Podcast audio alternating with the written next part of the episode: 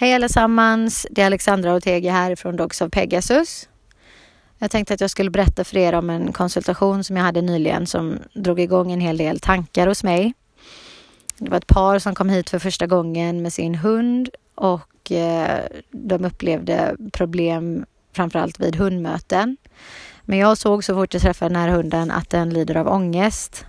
Och ångest är en sån sinnesstämning som hundar inte får i hundvärlden om man säger så, utan hundar kan bara utveckla ångest i sällskap av människan.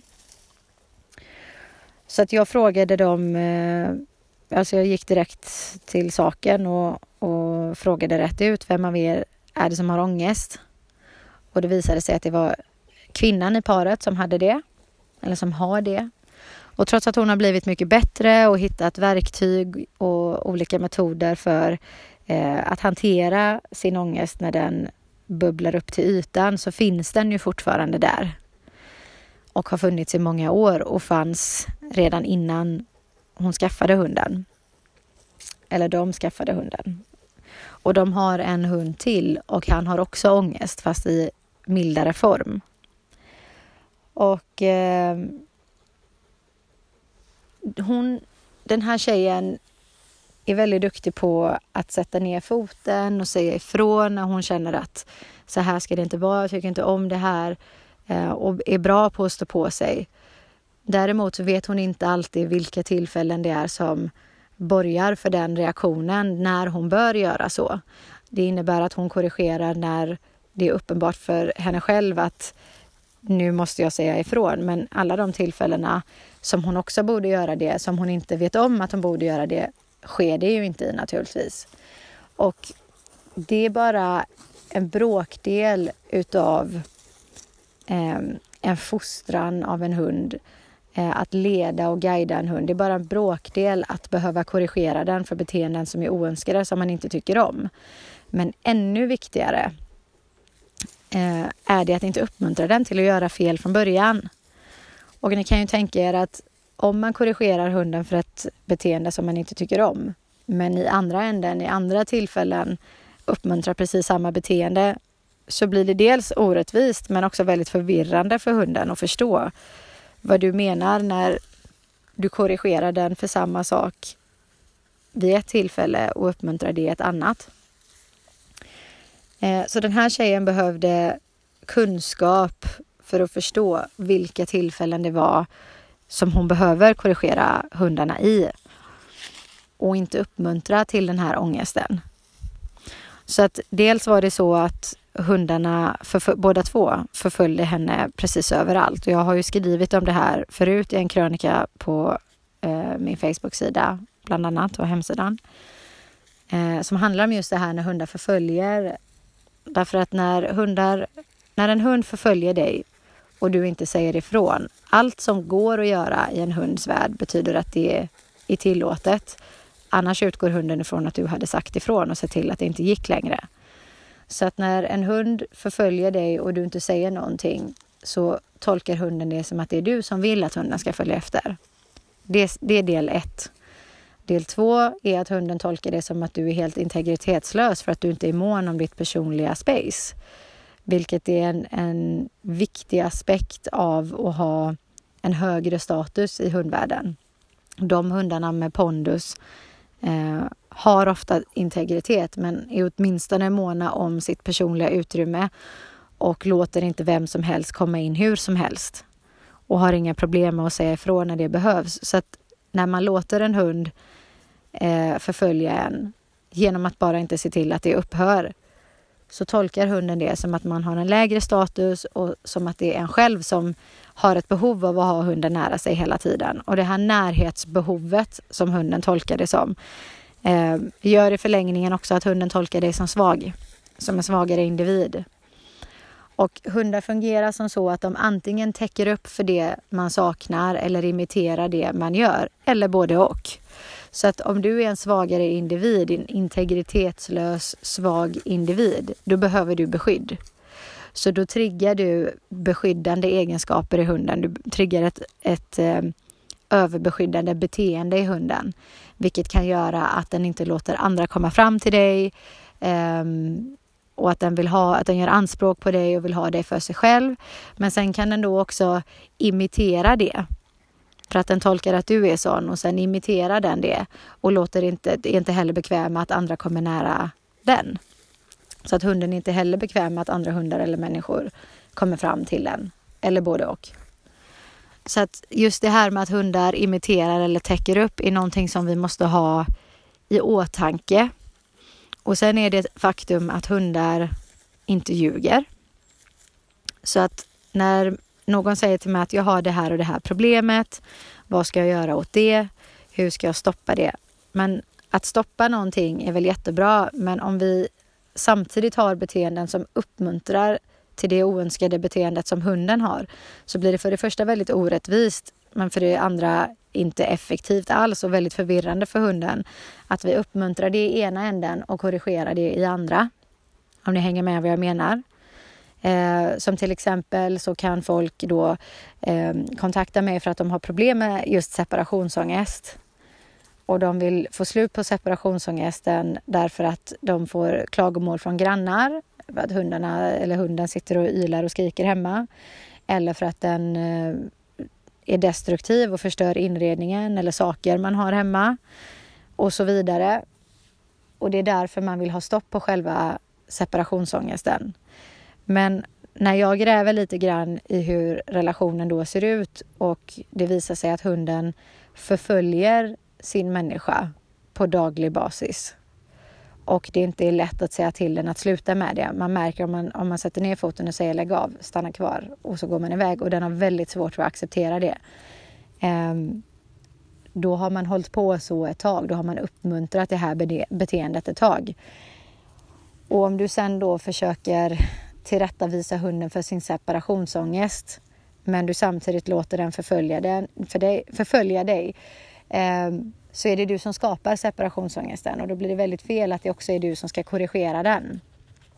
Så att jag förklarar för den här tjejen att just det här förföljandet som pågår nu, att båda hundarna eh, skuggar dig på det sättet de gör, det måste först och främst eh, upphöra. För att förutom de här hundmötena som var problematiska så var just också separationsångest ett stort problem.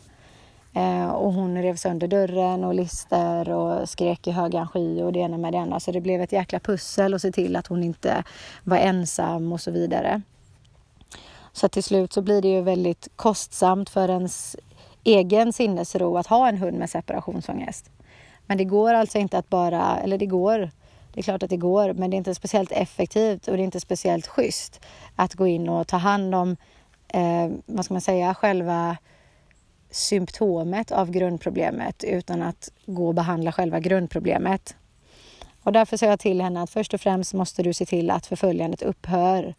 Eh, hon ska inte förfölja dig någon gång utan hon är nära dig när du ska ha med henne att göra av en eller annan anledning och all övrig tid kan hon ligga i sin egen bädd och ta det lugnt där. Därför att faktum är att hon eh, är också helt värdelös på att vara passiv så fort man står still så börjar hon som sagt eh, eh, vanka av och an och häscha och ha det jättejobbigt och eh, kan liksom inte vara still, kan inte värva ner utan är på alerten hela tiden, är på hugget hela tiden.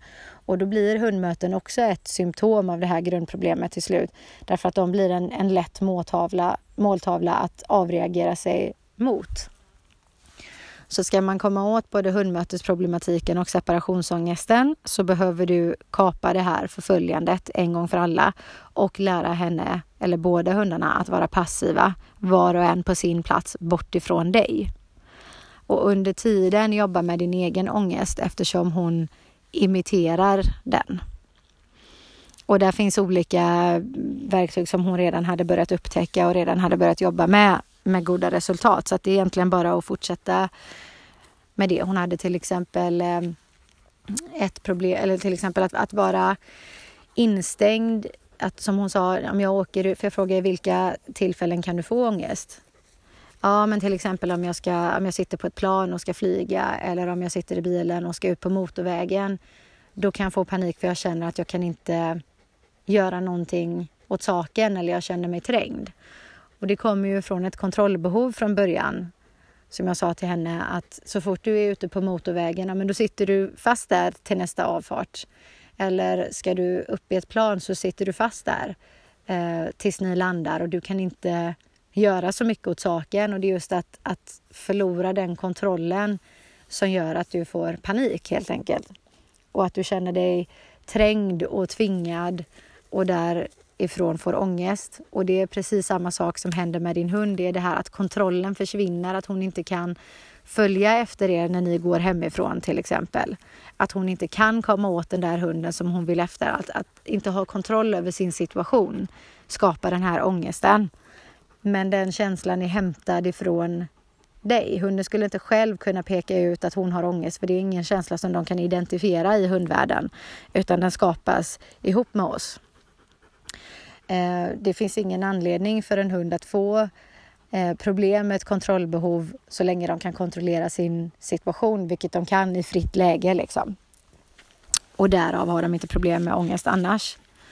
Men eh, det var en så intressant konsultation. Dels för att det var så himla tydligt att hunden var en direkt spegelbild av sin matte framför allt. Eh, men också det här att det ligger ofta bland de människorna som har anammat det här med att det är självklart att man måste korrigera en hund för någonting den gör som man vill att den ska upphöra med. Och det är jättebra, men det är lätt att fastna i den biten också och glömma av att det är ännu viktigare att inte uppmuntra till de osunda beteendena för att annars blir det då som sagt väldigt förvirrande för hunden och rent ut sagt orättvist att man hanterar det på det sättet. Så att det är viktigt. Jag tycker att det är någonting som alla kan ta med sig därifrån. Att vad är det jag egentligen uppmuntrar min hund till att göra? För det är inte ovanligt att jag får en fråga om hur man ska lösa ett problem och så ber jag den människan att söka inåt istället för att söka svaren utanför dig själv. Till exempel vilket verktyg ska jag använda? Vilken teknik är den bästa? Eh, och söka sig utåt. Vad ska, hur ska jag röra hunden? Vad ska jag säga till hunden? Eh, vad ska jag ge hunden och inte? Alltså att man söker en yttre faktor hela tiden för att bli av med ett problem istället för att söka inåt och ställa sig frågan vad är det jag gör för att det här händer? Vad är det jag sysslar med som främjar och uppmuntrar den här sinnesstämningen och det här beteendet i min hund? För att det är med 99% säkerhet att det är där det startar. Och när jag nämner det så är det alltid vissa människor som tycker att ah, men jag har redan rannsakat mig själv och jag har redan eh, gjort en ordentlig skanning och tycker inte att jag gör någonting fel. Jag kan inte påstå att det är någonting jag gör som är konstigt.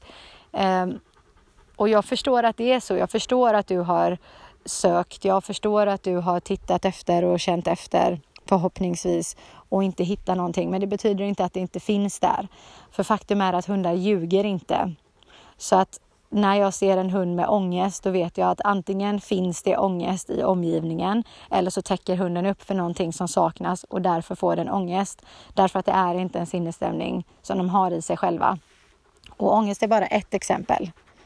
Det finns en massa andra exempel. Om du till exempel har en väldigt tillåtande eh, vad ska man säga, tillåtande tillvägagångssätt, en väldigt tillåtande fostran och relation med din hund där det mesta är okej okay att göra och det är väldigt lite gränser, väldigt lite, alldeles för få regler och gränser och begränsningar helt enkelt. Eh, och du dessutom har en tendens att bli ömkande, Eh, vilket man kanske inte alltid själv tycker att man är. För det tyckte inte den här tjejen heller till exempel. Och hon var ändå en bestämd tjej som hade lätt för att säga ifrån när hon ansåg att det fanns anledning att säga ifrån. Men i samma veva kunde hon till exempel, som vi skrattade lite åt för det var roligt och gulligt och inte så käckt på samma gång, var just det här att som hennes sambo sa att kan du förklara för henne att hunden inte dör om han inte ligger inrullad i min morgonrock. så att jag kan få tillbaks min morgonrock. För hon går och inbillar sig att han fryser hela tiden. Och då snor hon min morgonrock åt hunden och rullar in honom i den så att han ligger där som en liten boll inrullad i min morgonrock. Och så får jag stå och frysa istället för att hon inbillar sig att den här hunden, som är en hund, ligger och fryser inomhus annars. Liksom. så att samma tjej som hade lätt för att vara bestämd kunde också i andra änden vara daltande och ömkande. Så att det blev en, en stark kontrast för hundarna och också ganska förvirrande för hundarna. Eh, för den bestämda sidan är jättebra, den får de fortsätta ha, men just det här ömkandet och daltandet är också någonting som, kan, som ger henne en mjuk energi och som då i förlängningen kan trigga deras beskyddande egenskaper och så, göra så att hunden får ett beskydd, överbeskyddande beteende. Och då kan det bli så att hunden inte tillåter att andra kommer nära henne till exempel. Och sen kan de imitera det och, och inte själva vara bekväma med att andra hundar eller människor kommer fram till dem. Och så rullar det på därifrån. Så att jag skulle vilja vara eh, en fluga på väggen eller frågan är om jag skulle vilja det verkligen. Men jag hade tyckt att det var intressant när folk säger att nej men jag har rannsakat mig själv. Jag vet att det är ingenting jag gör som är konstigt. Eh, jag tänker mig minsann för och har så himla bra struktur. Jag skulle vilja vara en fluga på väggen i de här fallen. Därför att jag är helt övertygad om att jag hade kunnat peka ut minst fem grejer som man hade behövt justera för att bli av med det beteendet de söker hjälp för. Och jag, det, jag, tror inte att det är så att folk försöker lura mig på något sätt. Och jag tror inte att man försöker, att man aktivt ljuger, varken för sig själv eller någon annan medvetet. Men det finns någonting som heter förnekelse. Och förnekelse is a bitch alltså. Eh, för det första är det väldigt svårt att komma åt. Det är väldigt svårt att bemöta en människa i förnekelse. För det är klart, så länge de förnekar att det sker och inte vill kännas vid att det händer, eh, därför att det är för smärtsamt helt enkelt. Man tycker det är pinsamt eller smärtsamt eller jobbigt eller fastän ska jag behöva erkänna att det händer, du måste också ta tag i det och det, bara det känns övermäktigt med en gång så är det bättre att jag bara inte medger att det sker. Jag tror inte att det är en aktiv liksom, kommunikation man har med sig själv. Jag tror inte att det är någonting, en aktiv tanke eller ett aktivt resonemang som händer i hjärnan just då, utan jag tror att förnekelse är en överlevnadsinstinkt som bara slås på. Det blir som en reflexhandling när man touchar vid någonting som är känsligt, att förnekelse bara slår på med en gång som en switch. Eh, och så befinner man sig där helt plötsligt och tycker att nej men här finns inga problem. Det är väldigt svårt för mig att komma till botten av sådana problem när jag märker att en människa är i förnekelse. För att de är inte redo helt enkelt. Den människan är inte redo eh, och oftast tyvärr är det så att problemet måste bli sju resor värre innan de blir redo, om de överhuvudtaget blir det. Väldigt många hundar som ligger ute och cirkulerar på Blocket kommer från hushåll eh, där man har gett upp, där problemet har blivit för stort och man, man, har, man inbillar sig att det inte går att fixa det. Hellre än att säga att det är någonting jag måste göra. Väldigt många av de här fallen har inte ens sökt hjälp någon gång hos någon. Därför någonstans vet man med sig att då hade man fått höra att det kommer ifrån mig och jag vill inte höra det. Det är för jobbigt för mig att höra det. Då måste jag riva upp allting jag har bestämt mig för eh, som jag har bestämt i sanning och det är ju världens jobb bara där. Det är väldigt jobbigt att omvärdera. Och det är samma, jag tog nyligen ehm, emot en hund ifrån en människa som hade bestämt sig för avlivning från början. Därför att hon var så övertygad om att det här går inte att fixa. Det finns inte en chans. Jag har försökt allting och om jag som ändå har känt hunden sedan, sedan den var valp inte får ordning på det, varför skulle någon annan få det?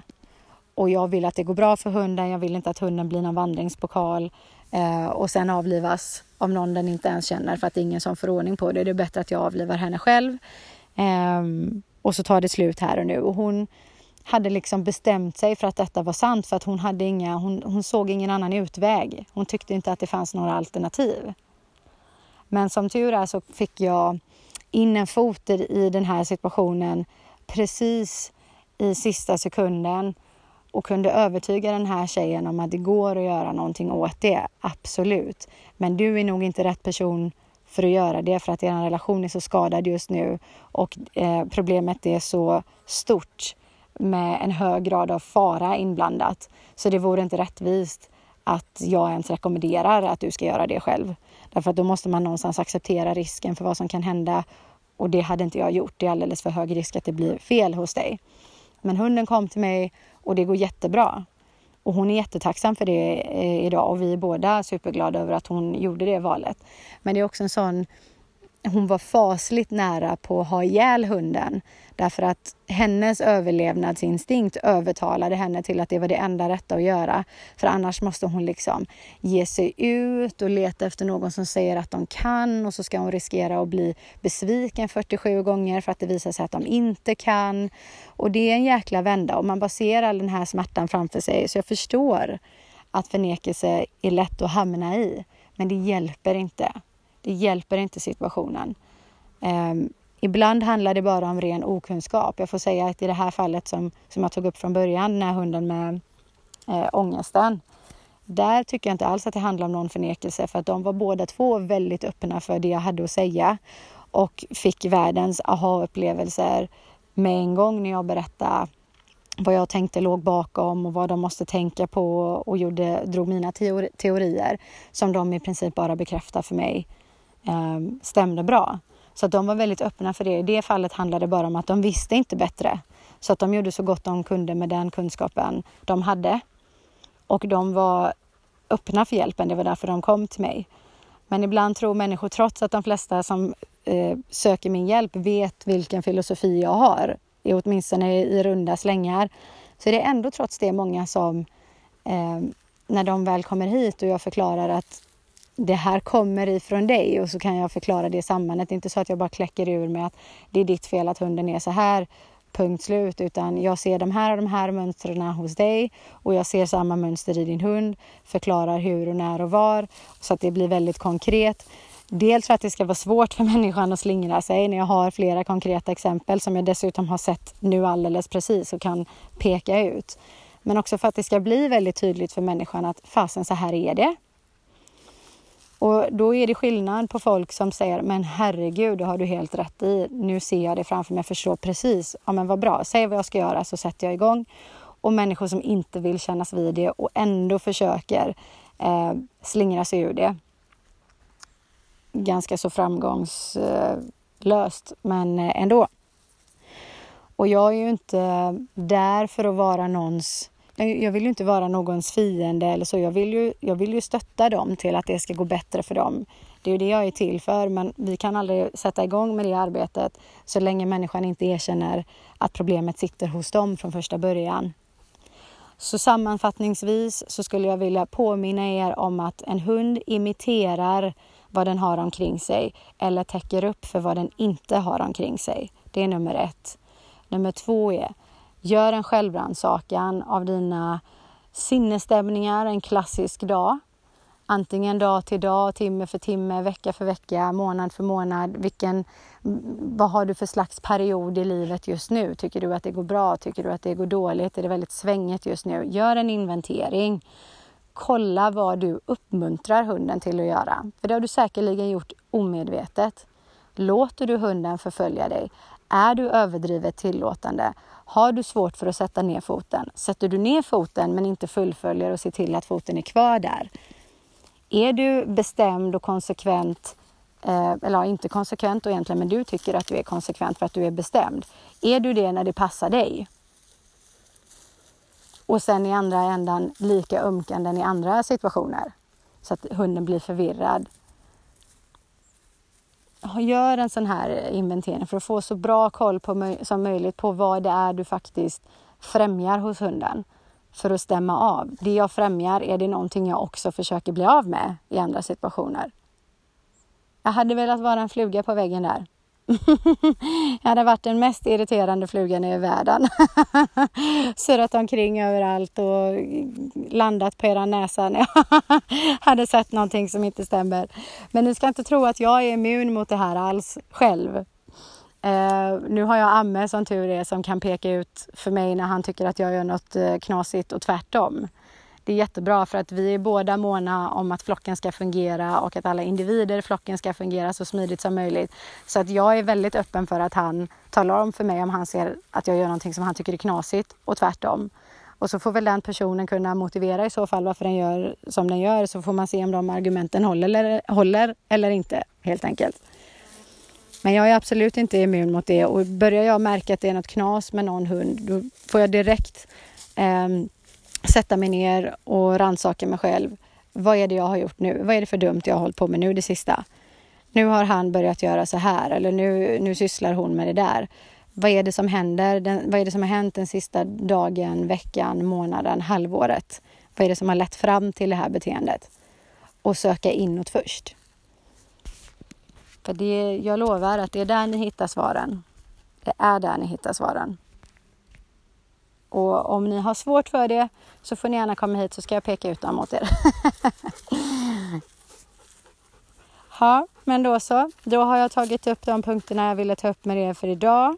Jag hoppas att det gav er någonting att tänka på. Um, och har, jag har fått, jag måste bara säga det, jag har fått så himla många meddelanden från er. Det fortsätter att komma meddelanden från er eh, och samtal och allt möjligt där ni eh, känner er peppade inför varje avsnitt och tycker att det är jättekul med podden och är glada över den och tacksamma över den och, och berättar för mig att den ger er så mycket och jag är så himla glad för det. Jag är jättetacksam för att ni berättar det för mig också. Annars brukar jag ju sitta i andra änden av problem och mörker och allting är bara svart och tråkigt och jobbigt för alla människor som söker hjälp. Ehm, så det är jätteroligt att få höra ifrån er när ni också tycker att någonting är superpositivt. Så tack för det. Jag tänker absolut fortsätta med, bloggen, med podden. Jag har alldeles för mycket att säga för att inte göra det. Så eh, tycker ni att det är kul så eh, var bra för att den kommer fortsätta. ha nu en jättefin kväll, dag, morgon när ni nu lyssnar på detta och så hörs och ses vi. Toodiloo allihop mot balans!